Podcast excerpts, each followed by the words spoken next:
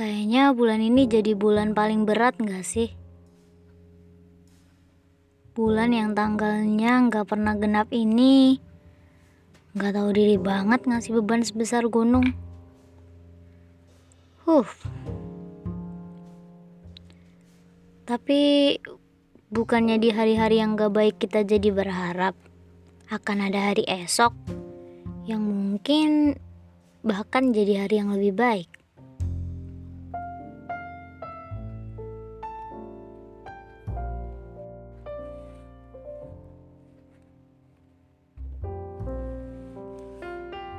Maaf ya, harusnya saya ngasih pembukaan dulu. Walau nanti pembukaan bakal jadi perpisahan juga sih. Lagian, siapa sih yang gak pernah ngerasain perpisahan? Ya udah deh. Manusia pasti pernah kecewa dengan oknum perpisahan. Tahu nggak kenapa semesta sering buat kita kecewa dengan perpisahan? Untuk menyandarkan kita bahwa kita harus berjuang sendirian. Hmm, enaknya kita cerita apaan ya? Oh, pertengahan bulan lalu saya bikin konten di channel YouTube saya. Bisa kalian temuin dengan nama Karin spasi Nina. Mampir ya, supaya bisa tahu pengalaman baru saya dalam berkonten. Hehe. Saya cuma butuh ruang untuk mengabadikan memori bahagia yang suatu saat nanti mungkin akan saya tonton berkali-kali. Syukur-syukur kalau disukain banyak orang. Eh, ngomong-ngomong, orang yang saya suka seminggu lalu ulang tahun.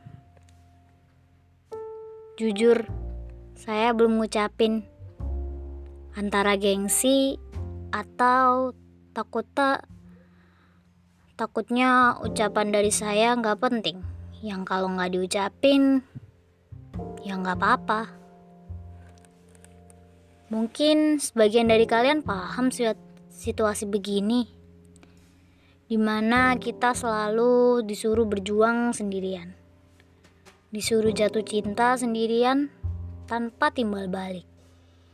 Mau gimana lagi? Perasaan jatuh cinta ini kayak tanaman yang udah terlanjur tertanam di dalam. Nggak mungkin bisa diambil lagi. Mungkin kalian ngedengarnya agak kering. Tapi mengagumi dia dari jauh itu udah cukup. Lagi pula, Tuhan pasti punya cara untuk mengambil untuk membahagiakan ciptaannya.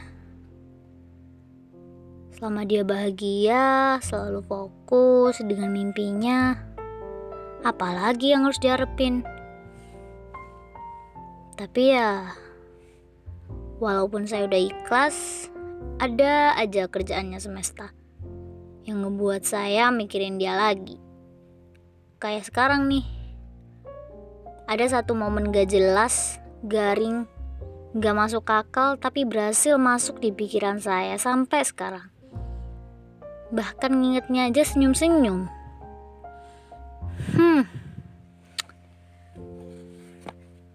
Malam itu adalah hari di mana saya dan dia udah lama nggak chattingan atau saling tanya kabar.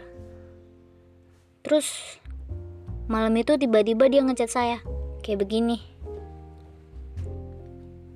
Nah, telepon tuh gratis enggak sih?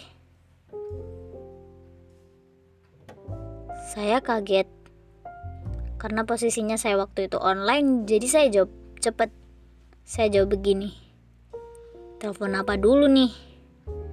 Terus dia jawab, ya telepon WA lah, apalagi. Terus saya jawab begini, oh kayaknya gratis sih, paling nyedot kuota, emang kenapa sih? Saya tanya lagi, karena saya belum nge. Enggak, ini loh, tadi tuh gue baru beli kuota, terus penasaran. Kalau telepon tuh nyedot pulsa enggak sih?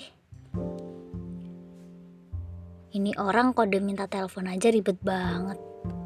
Masa zaman sekarang masih pakai cara begituan sih? Chatnya saya baca aja kan.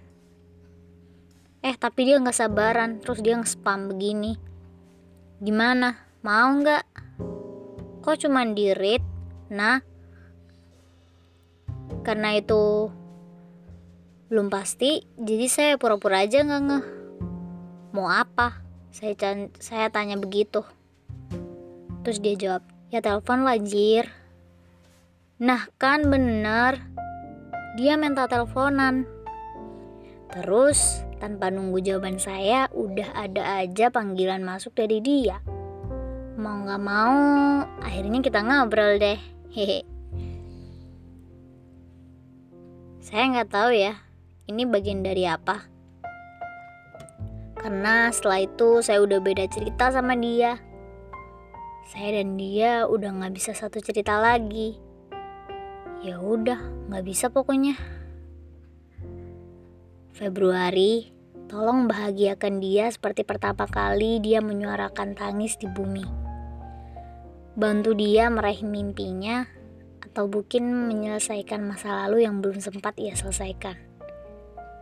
Buat dia selalu percaya bahwa dia nggak pernah sendirian di dunia ini. Februari, kamu tahu saya nggak pernah bisa buat dia bahagia.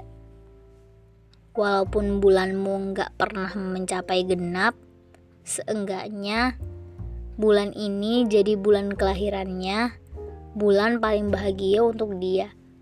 Untuk itu, bisikan padanya bahwa perasaan saya masih tertanam untuk dia.